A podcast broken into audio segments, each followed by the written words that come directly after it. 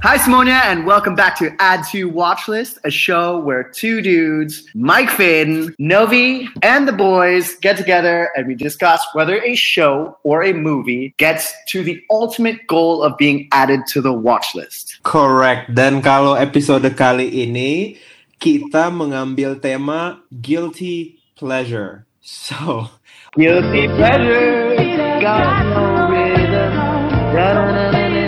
let's see who's uh, who's classy, who's intelligent, who's Before- trashy.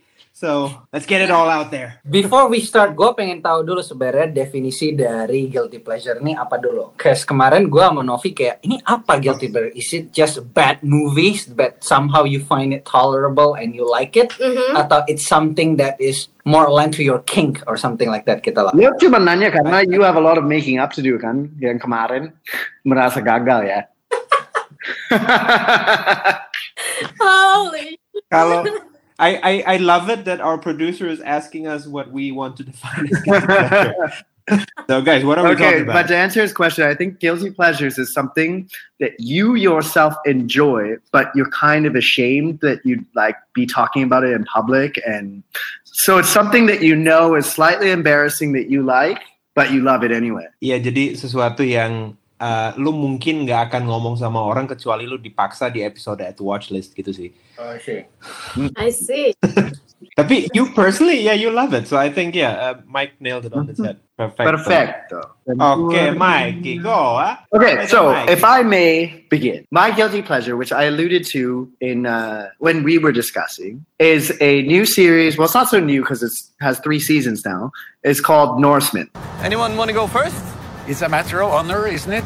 Oh, yeah, the Ättestup is probably the most honorable thing you can do. Honor is really important, Bill. Yes. Now, To Valhalla! Wow. Norseman Oh. is, to summarize, a series that is a sort of slapstick comedy, uh, making fun of the way Vikings are portrayed these days. And it's done, amazingly done by this Norwegian cast. So well written. The jokes are so good. It really reminds me uh, of Monty Python, like from back in the day. If anyone is a real like uh, comedy like history buff, Monty Python is like this the classic like cast makes this amazingly done comedy that is done in the style of like the original Office, where it just you know follows these Vikings around, and the comedy comes from the troubles of their like you know of their daily routine but it's just so brilliantly written and the performances are actually so amazing. I can't believe they're actually norwegian doing this in english because i don't even know if like people who predominantly speak english could pull off their comedic timing. Oh, ini komedi ya? yeah.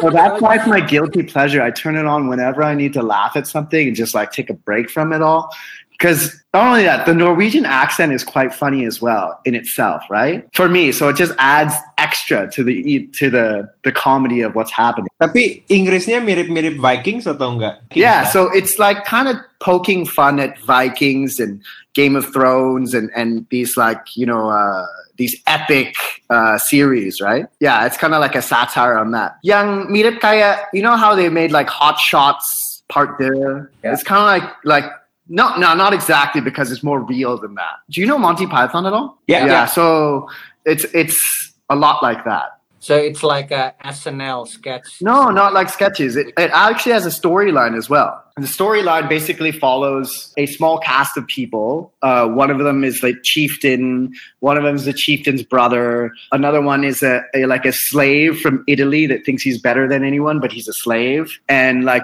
one of them's like like Viking woman, like warrior, who's like uh, married to like this very lazy, useless Viking, and it's hilarious. yang yang menarik sih dalam dalam serial ini is um, just the acting performances of all the cast and uh, the comedic value as well. Karena biasanya kan this Viking saga and knights and all this is like very seriously taken, right? It's a comedy, but it's done not cheaply. So it's a expensive Viking comedy. Mhm. Why do you think Mike ini itu something yang you will be embarrassed to tell people that you like? Because okay, the jokes are kind of like very slapstick and like playground jokes, like that kind of thing. It's not exactly like something that I would watch with my parents. Let's just say that. I, I agree with Hans on this. Like, why are you so embarrassed to talk about this? So have you ever told anyone about this? But you know me, I'm not an embarrassed type of person, so I have no problem like putting all You on have no shame. no shame You have no whatsoever. shame. So basically, in, in Game of Thrones, uh, you if you were the one who had to walk down the marketplace and everyone screamed shame, you would be like, yeah, Yeah, bring on the vegetables.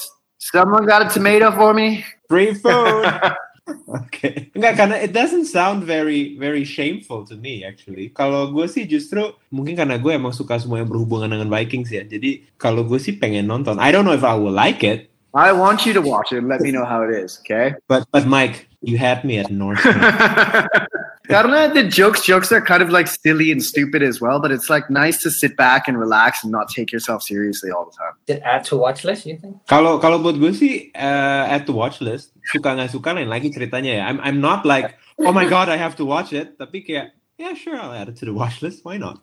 I think I, I think you get me, Mike. When you say this is satire, it's not. I thought you're gonna be like a testosterone, this series gitu kan, like Vikings and stuff. Wow. No, it's actually the opposite. So the reason also why it's like kind of like shameful to be like you know liking it so much is because they make a lot of jokes that like aren't like politically correct, especially for today's day. Like they make a lot of jokes about a gay Viking, right? And it's just like I don't know, I don't know, I don't know if that's fly 2020. And I think I'm gonna watch it. Beside the cover is interesting tuh. Kelihatannya kayak WWE gitu ya, kayak pegulat. I just want something from it though. Karena from the poster we are, we are googling like Yeah. Yay! Great success! Woo! it looks like a B B movie kan, Yeah, but when you like say a it's a B-movie. satire, itu kayak yeah makes sense. Yeah, and like the accents are just so good as well. Like the way they speak is so funny. Yeah. Gue merasa kayak sukses, nice. Okay, nice. Okay, sekarang sekarang our favorite producer Novi, bring it. Redemption time. Okay, I'll try to redeem myself from the. No, you're okay. Hans is the one that that needs to redeem himself. Sebenarnya gue punya banyak options kayak mulai dari I bet you guys wonder if I'm going to do like Mean Girls or White Chicks kind of movie. yeah, exactly. Right? But today I'm gonna bring you guys like Nacho Libre. Have Oh my guys- god, I love Nacho Libre. So, Yeah. Oh Nacho Like my- Libre. so that's like the yeah, yeah. same type of uh, same type of guilty pleasure that that Norseman would be. So yeah, that type of stupid comedy. Tonight, I will fight the seven strongest men in town. Maybe the world.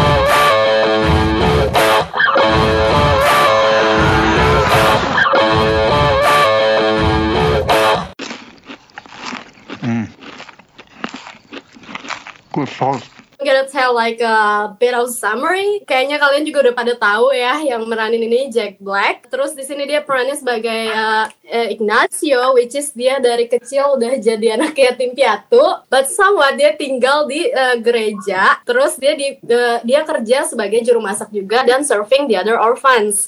Nah, memang dia dari kecil ini cita-citanya udah jadi pegulat. So karena ini latar belakangnya di Mexico, of course the Spanish accentnya juga agak kental. So I mean like the movie itself already quirky ya. Kayak ada satu momen yang kayak every time Ignacio want to jump off, it always have a, so, a sound of fart like as a push for him. Sama Eagle actually. There's sama eagle, sama ya, an sama noise. eagle. I mean like kayak dia mau loncat, why you have to fart first gitu? Kenapa lu harus ada suara kentut terus Jadi loncat? lo kayak push gitu kayak oke ini lo tertariknya sama suara kentutnya itu. gue gue tertarik sama semuanya di sana yang So you kayak can tell Novi punya kind of movie ya. Guess. it's fucking fetish though no ya itu interesting banget sih untuk mobinya mobinya sendiri Jujur, eh, ya gue gue setuju banget sih karena ya gue juga eh, ketawa terus ngakak terus nonton Nacho Libre. even setnya sendiri kayak harusnya kayak boring ya untuk set untuk ukuran film-film kayak gue yang kayak udah jadul apa macam but Itu nggak jadul by the way. yeah I mean they bring out 2006. nggak Yeah, they bring out uh, apa ya in the first scene aja yang kayak dia udah serving something itu udah interesting buat gue kayak Oh, the you mean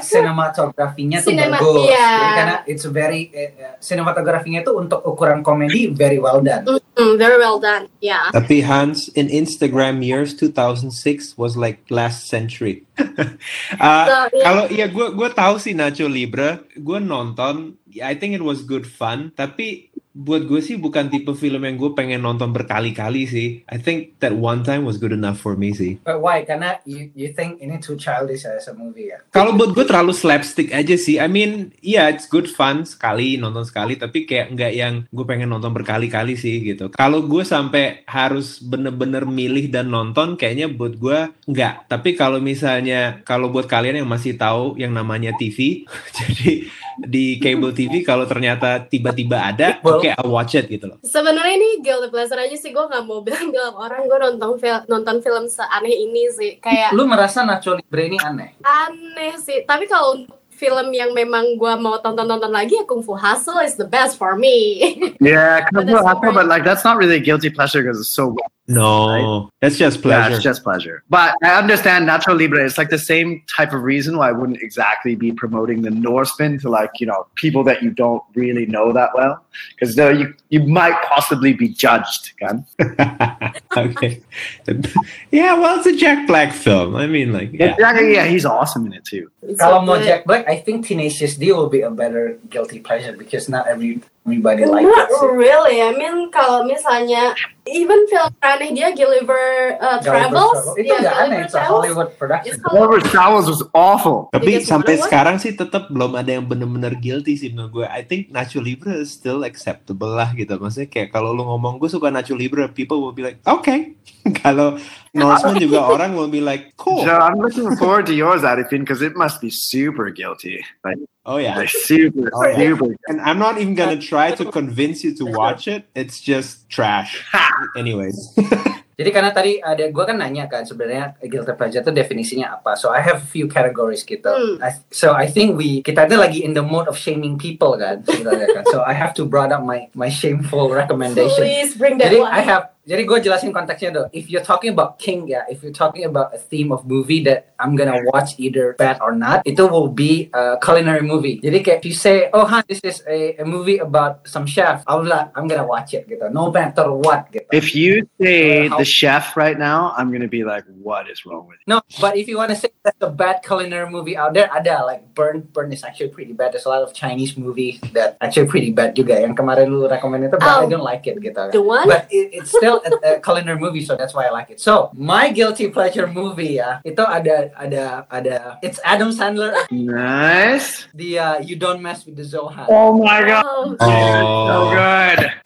I love Zohan. But yes, that would be a guilty pleasure as well. You could only cuman bisa kasih tahu yang yang teman-teman yang yang akrab sih kalau kalau lo suka Zohan. He is the greatest Israeli soldier the world has ever known. But it was time for a change. I wanted to leave the army. What will you do?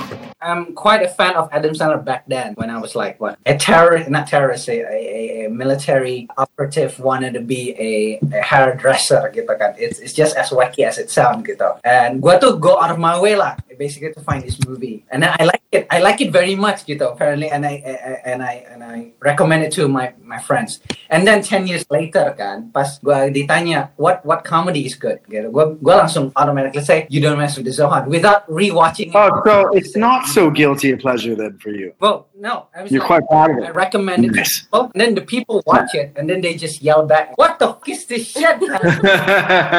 and then and then gue, kenapa kan lucu you don't mess with the zone itu kan orang militer tiba-tiba mau jadi hairdresser gitu kan, but it's so offensive and stuff. Yeah. Hah, enggak lah, offensive in what way? I was like. I was like, what, what, what, what, gitu kan. Jadi, so I asked my girlfriend, yo nonton dong, you don't mess with the Zohan. It's actually very funny. And she didn't laugh one bit, and I'm still laughing at it gitu loh. Gue kayak, oh shit, is it as is it is this movie get cancelled or something? Gue juga nggak tahu kan. But I still find it interesting for me ya. But I I can see a lot of things that might be offending to people, get offensive to people. Mhm, But sorry, bro, I didn't want to watch it again over and over. th- This is guilty pleasure because I, I'm still gonna watch it, especially the scene when when he was fighting uh, John Turturro, kayak gitu, Okay. like hey Zohan, or something like that. You know, I still like it. Actually, I picked Nacho Libre because today's episode they're gonna launch Nacho Libre on Netflix. So What do you guys think about You Don't Mess? I love it. It's hilarious. Absolutely hilarious. And I also used to love Mariah Carey as well, so I I, I, I know exactly what he's talking about. He's like obsessed with Mariah Carey. kan? Why? why, Mike? I don't know because I'm that old. That's why he was cool in the '90s. Indeed. Kalau buat gue sih uh, Zohan, ya again just like Nacho Libre. Kalau misalnya emang ada on TV, I'll I'll watch it. Tapi kalau enggak, kayak harus benar-benar look for it. I don't know. I think it will be a very strange and weird day when I say I really want to watch Zohan. Menurut Vin, lu acceptable. So you're basic. Ya buat gue semua itu nggak nggak guilty sih ya. Well, I want to know how you guilty yours that? is now, Finn. On a side note, lo nonton nggak Uncut Gems? Ah, belum, belum, belum sempat. Udah seminggu berarti wah wah you nggak jual Wahyu, you, ah, Wahyu. you ah Wahyu itu siapa, men? Hans, you nggak jualan yang laku sih. Sorry, Adam Sandler. Hmm. So no one has watched the OA. No one has watched. I I watched the OA. Oh right, yeah. So going back to the OA, itu ada reasonnya Mike. Cause I watched the trailer kan. I was like, what? I'm gonna set the set a time dedicated for the OA. Karena it's not. I don't want to. I don't want it to be another dark moment gitu loh. Which is I just watch it on the side gitu and then I'm like, ah, I forgot. What? What? You will definitely keep watching it. If like you pa- make it past the first four episodes, you will absolutely be hooked. So to answer your question tuh, gue bukannya neglect dark, eh, neg- neglect OA. I'm just waiting for the perfect time for the OA. Okay, got it. Okay, Arifin Putra. Okay, so for me, guilty pleasure, I think because all of you guys, you still have class, you know, there's just still a certain quality to it. And for me, Lo nonton aja Kalau- dulu Norseman sebelum ngomong. Oh iya, iya, oke, oke, oke. Yeah. Nanti gue nonton dulu deh. Nanti gue nonton dulu deh. Kalau buat gue emang emang gue nyarinya tuh yang bener-bener saking trashnya. Jadi lu nggak usah mikir. Jadi otak lu bisa dimatiin aja eh, dan lu nikmatin aja. Tapi emang lu gak pengen orang lain tahu bahwa lu nonton gitu kan. Jadi kalau gue kalau gue sebenarnya ada dua. Kalau yang kayaknya eh, yang yang ditonton semua. Jadi gue harus ngomongin dua-duanya nih ya. So kalau yang ditonton semua orang atau pasti udah pernah ditonton semua orang, kalau menurut gue itu Tiger King it's the best soap opera ever, the history of humankind. But Itu- that is like the most watched series in the world. I know, I know. Tapi No. menurut gue kalau itu sih itu it's embarrassing to watch that actually if you watch it if you It's finish it. to watch it, but you have to watch it. Karena if you nggak nonton, you like don't know what is relevant in today's world. Like everyone talked about. Some, ham- sampai the president of America spoke about it. I know. Itu yang yang mainstream guilty pleasure. Kar- Karena itu benar-benar gue bisa just shut off my brain and just watch it and just have a good laugh gitu kan. Keluar pas this COVID. corona thing hit and everyone was at home and they could and they basically could binge. Iya kalau misalnya nggak keluar eh, saat pandemi gini sih gue rasa nggak bakal sesukses ya sekarang ya. Karena ini bukan film yang lo yang uh kayaknya gue harus nonton deh. Ini kayaknya lebih kayak apa sih ini gitu kan. Itu satu itu yang mainstream. Kalau yang satu lagi, oh ini gue bakal bash habis-habisan sih. What could be worse than it? Carol fucking Baskin. Jadi jadi ada ada satu acara namanya Selling Sunset. Anjing. So, Here's to causing trouble. How pathetic is she? Don't yell at me. Can you stop? Wow. Good luck at the Oppenheim group. You're gonna need it. okay. The Selling Sunset ini adalah it's the an IMDb. Actually, they have an IMDb account, which is fantastic. So it says the elite real estate brokers at the Oppenheim Group sell the Lux life to the affluent buyers in LA. The drama ramps up when a new agent Ah. joins the team. Nah, kalau ini juga ratingnya jelek banget, 5,9. So it's it's it's not even a drama show. It's just a reality show basically. I've seen the Netflix uh, trailer for that. Iya, tentang you tentang tentang cewek-cewek cantik yang ya pada dasarnya jualan Real rumah estate. cantik gitu kan. Kalau buat gua itu very embarrassing, it's just absolute trash. Tapi Oh, that's an absolute guilty pleasure, bro. I wouldn't even have said that on the podcast. Wow. I think I think I think for context juga, Mike. Do you? I, I think you're familiar with the million dollar listing gun. Uh, yeah, but I haven't watched it, but I'm, but I've seen the. You're aware of that show, Yeah. that show existence, kan? Yeah. Saling that is the Netflix version of it. Yeah. ya dan So Iya, dan dan pada dasarnya ya, ya gue nonton karena gue bisa matiin otak gue, jadi gue nonton aja.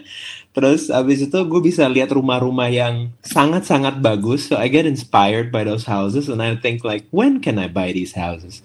Terus eh, ya dijual sama cewek-cewek cantik, and then when they do their drama, whatever it is, I just shut off. I just shut off my brain, and I don't really care, and I don't Tunggu. care if you're gonna watch it or not. Tunggu tunggu tunggu.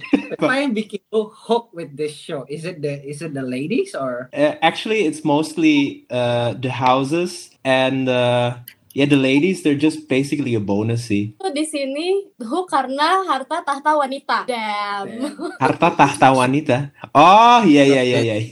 So relatable lah uh, to Indonesia. Dasar laki-laki. Nah kalau Nggak. kalau menurut gue, nah ini baru guilty pleasure. Ini guilty banget, man. Gue ungkapin ini di sini, reputasi gue langsung jatuh banget. Jadi lu ngomong berarti every, every- jadi you're waiting for this the third season I think udah. Uh, Oh, gue udah gue udah selesai nonton dua episode, eh, dua dua season, man. So you're, you're waiting Holy, that's a lot of mati and otak, man. Yeah, man. hey, I'm I, I use my brain a lot, so I need to shut it off from time to time.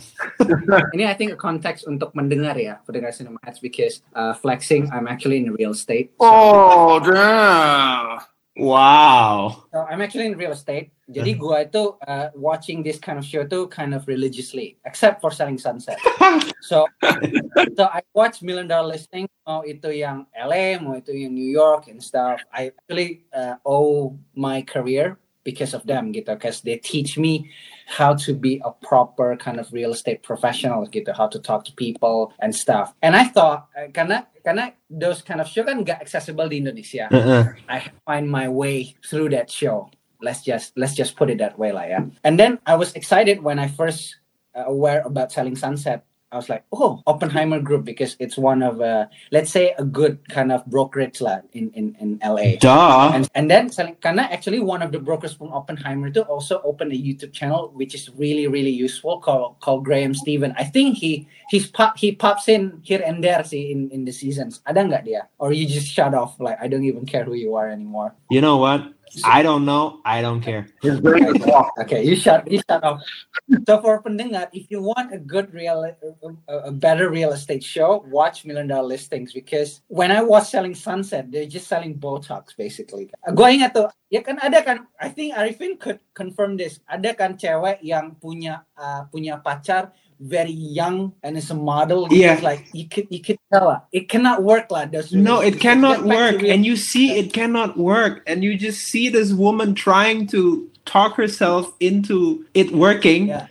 And the hopelessness and, and the guy he just doesn't say anything and when he says something it's like Sylvester Stallone you have no idea what he just said so stupid. I mean, like, I, I have to give hats off to Finn. This is actually a guilty pleasure because by the fact lu bisa nonton dua season, yeah ya kan? Yeah. Apa namanya with no real estate information for me, gue kayak there must be something. dan dan dan gue suka bahwa lu serius banget soal ini Hans dan Wow. bahwa lu tetap trying to Combining to make two snobby topics for him: the real Yeah. estate and the and the series. Wow. Nggak kayak si, si Hans dia kayak stres gitu. Oh my god, I need to save this. I need to save this. gitu kan. I need to save the listeners. If you want to watch something about real estate, watch Million Dollar Listings. Tapi Hans, iya, this is guilty pleasure. You're missing the point. We don't want to learn.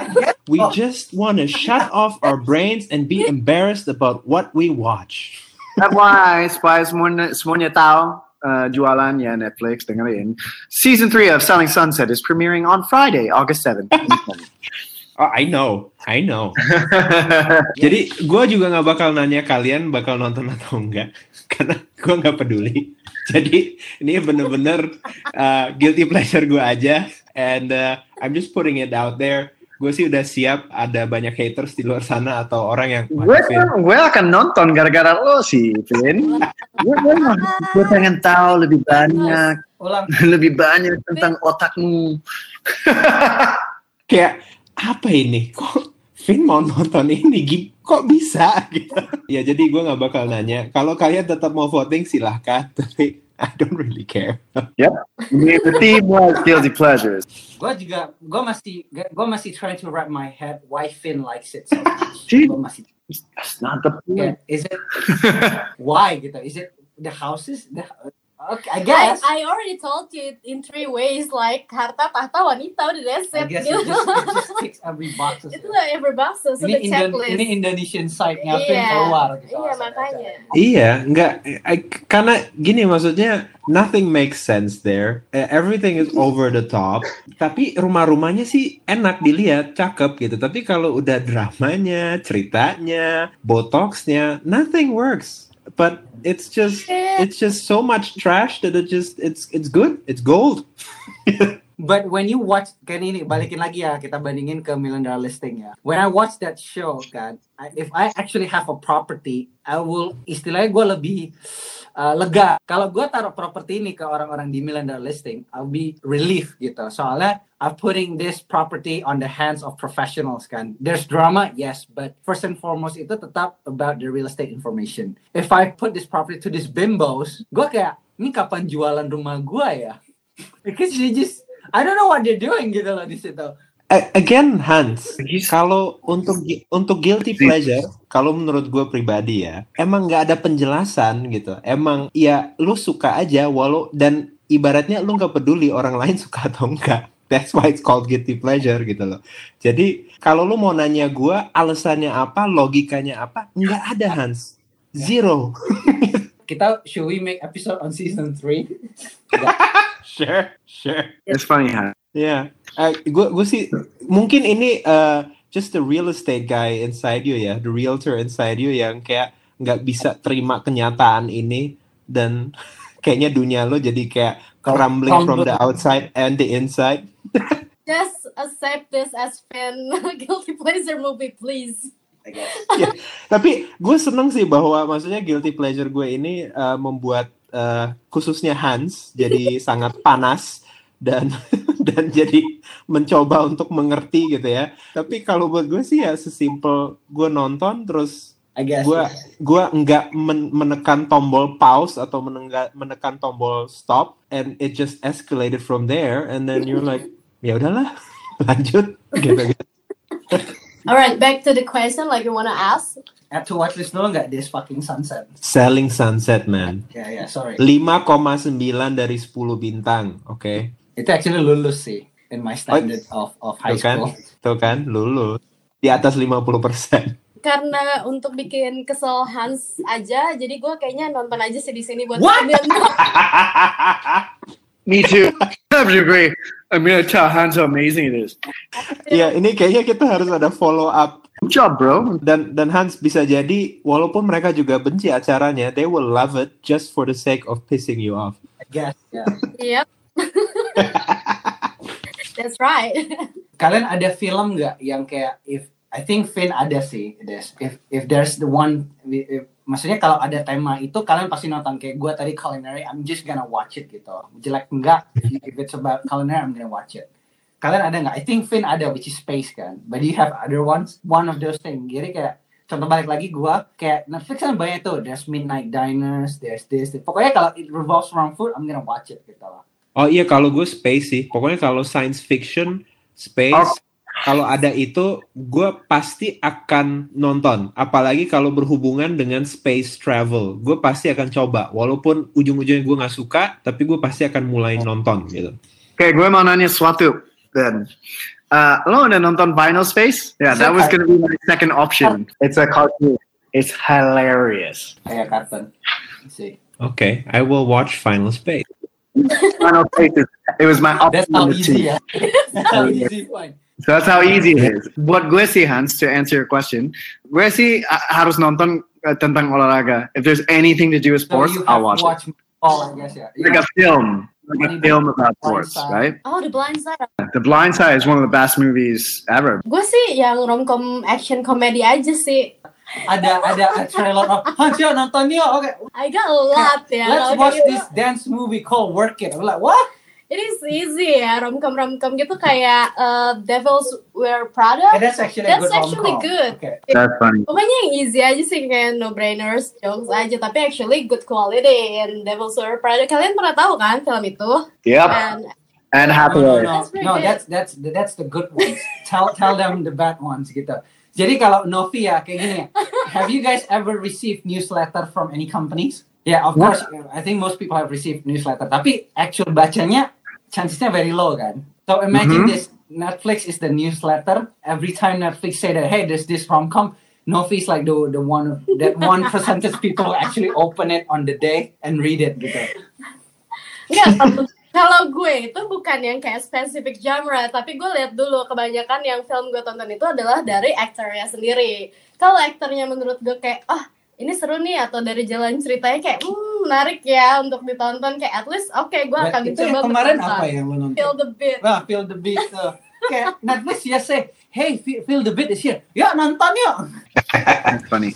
Feel the beat. Kalau lo Hans, lo semuanya berhubungan dengan dengan makanan. Yes, I guess because I. Oh iya, be- soalnya dia pernah gue kasih kayak literally trashy Chinese movie, terus gue bilang Hans, tapi dia masak-masaknya keren kayak, you know how Chinese movie right, kayak pakai ada kungfunya atau uh, CGI I, yeah, gue nggak interested in the kung. Dia bilang kayak ini tentang chef. Oke, put it on. Terus, what's your favorite food movie then? Jadi ada dua sebenarnya. Food and filmmaking. If it's a movie about filmmaking, I'm gonna watch it gitu. If Wow. you say, um, if you say mana lebih prioritas, tetap food karena somehow I'm still in the journey of finding the ultimate food movie gitu loh. Which is belum ada. Do you like Ugly Delicious?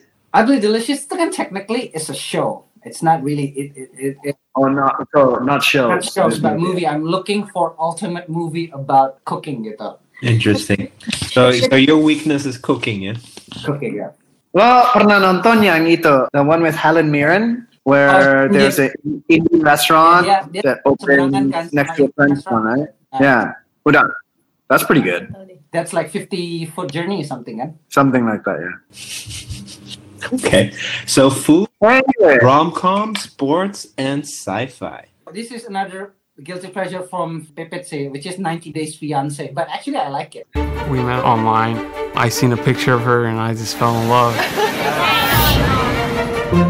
Me and Nazan have never actually met in person. I'm going to Morocco to meet him.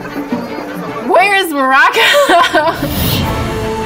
I was catfished by my own fiance, but I want to marry him anyway. Okay, back to 90 Days Fiance. What do you say, Mike? I said that already sounds horrible. Just the judul, man. Wait, you don't know 90 Days Fiance? Um, Gue juga nggak tahu. Lu nggak lihat? Okay. Let me redeem myself, Zohan. this should have been uh, this should have been your guilty pleasure from the start, bro. Yes, because I'm a snob guy. I thought it's gonna be a movie. It has to be a movie. But okay, 90 Days Fiance. There's actually a lot of 90 Days Fiance. Jadi dia ada spin-off-nya banyak. So the 90 Days Fiance itu back in the time, I think a few years ago tuh. Jadi the basic show itu adalah okay somebody you invited from other countries. Like let's say let's say gua invite somebody bukan gua sih gua contohnya. Misalnya gua diundang oleh satu cewek deh di di LA di New York gitu kan. So I have 90 days of kayak visa. I think there's visa. I think Mike you will know about this. Kan kayaknya ada kayak about proposal visa or something. So basically if you propose to someone and you you have 90 days to rethink about it gitu lah basically. So gua bisa dapat visa. Oh, jadi kayak get gitu. a green card, right? yeah, yeah, green card, something like that. So the basic premise itu adalah there's just some deadbeat losers. They're involved in online relationship with uh, somebody ad- in other countries, but mostly those people in other countries just just want to be parasite, basically, just want to hop, just want to get a green card, and then hey, I'm I'm a, I'm a U.S. citizen, something like that. Selalu aneh-aneh yang dapat. Jadi kayak ada satu yang kayak drug dealer and stuff. My particular episode itu actually just recently. I think it has become a meme. Jadi dia itu adalah tentang satu cowok agak pendek. I forgot his name. Like five one Like, he's very short. guy. He's very short. It, it looks very blocky and stuff. Jadi dia itu suka sama cewek in Philippines. Jadi, I've, uh, I've actually seen this because it went viral, right? Yeah, yeah, yeah, yeah. That, that one. I think it was a crazy adventure, but their their relationship to already crazy. But you have to see because every every every ninety day fiance to co- cover around six to seven couples because in the end of the show they're gonna combine them together like in a in a group meeting, focus group discussion, and say, "Hey, how's your relationship?" Blah blah blah. It's just like a roundup show. But it was so trashy, but I cannot stop watching it. I'm kind of embarrassed. True. Ini gue embarrassed. Nah, sekarang you get it Hans. Gitu dong dari tadi dong. Actually, ya gue saving gue udah bilang sih itu bakal jadi guilty pleasure, tapi memang kita juga bingung Yeah. awalnya kayak guilty pleasure it have to be a movie or not gitu kan. But it- this is TV show. Yes. Dan menurut gue memang it giving me so much cringe on of this. It's so uh, cringy. yeah. It's so cringily good gitu loh. It's not it's not the- it's not the editing cringy. It's what happens so cringy. The editor Bener. itu so good gitu. They know how to get the cringy part. gitu. There's some scene like dia si cowok ini pakai mayonnaise. Oke, mayonnaise is for bread, for me or something else ya. Tapi dia pakai mayonnaise ke rambut, man. This is so cringe. I mean, like for what? Ada satu scene di mana the, the guy tell the Philippine woman kayak I have a gift for you, and then the, the woman get excited kan. She, she thought she gonna get something good, and then like she gave the girl, he gave the girl toothbrush and toothpaste. Your your mouth is smelly. Oh god. Tapi ya gue seneng sih, gue bisa ngelihat bahwa lu suka yang trashy-trashy juga sih Hans. Yes. Nice. My girlfriend hates me for the fact that I watched this show. I was like, eh, nonton ini yuk. And like, she doesn't want to watch Okay Hans, you got me. I want to watch it. Yeah, you got me. I kind of want to see how cringeworthy this is. Not guilty pleasure, so I'm proud of you. Nah, ini Hans. But it's still better than selling ada ada couple yang obviously ini ibu-ibu uh, it's, it's a black woman uh, on the late 50s gitu. Dia itu lagi di catfish sama somebody in the in the in the UK. So he keeps saying, "Okay, baby girl, you can come visit me, okay?" And then and then the woman, the But- black guy wanna go to the US. Jadi dia minta kirim duit. And then the uh, womannya bilang enggak, I'm gonna come there gitu, where you are gitu kan. Oh, I'm in Manchester gitu kan. Tapi dia kasih ad- uh, dia kasih addressnya di London. And the woman is so clueless. Dia dia tuh pikir it's it's not a scam gitu loh. And in in the end of the day, she canceled her trip because the producer actually has heart to say, "Ma'am, this is actually catfish. Jangan go through there with this." But I mean the way si cowok ini ngomong British accent, like mereka kan teleponan ya. It is funny and cringe, and you know that's not British accent at all. We're gonna put the clip in, in this audio. Yeah, I'm gonna I'm gonna show you guys. Hello? Hello, baby. How are you? I'm doing good. How are you? I'm fine. How are the kids? Oh, they good. The kids are good. Thank you for asking. I love hearing his voice. The British accent is the sexiest accent in the world. And for me to have a man with it, oh, I'm on cloud nine.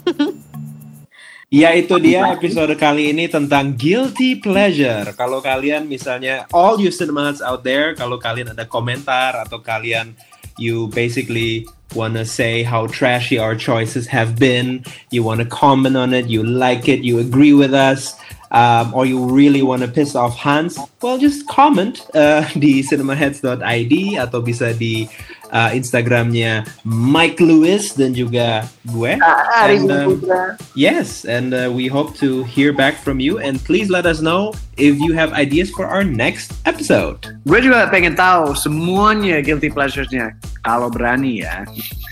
ya, guilty pleasure lo apa sih? Tolong dong share.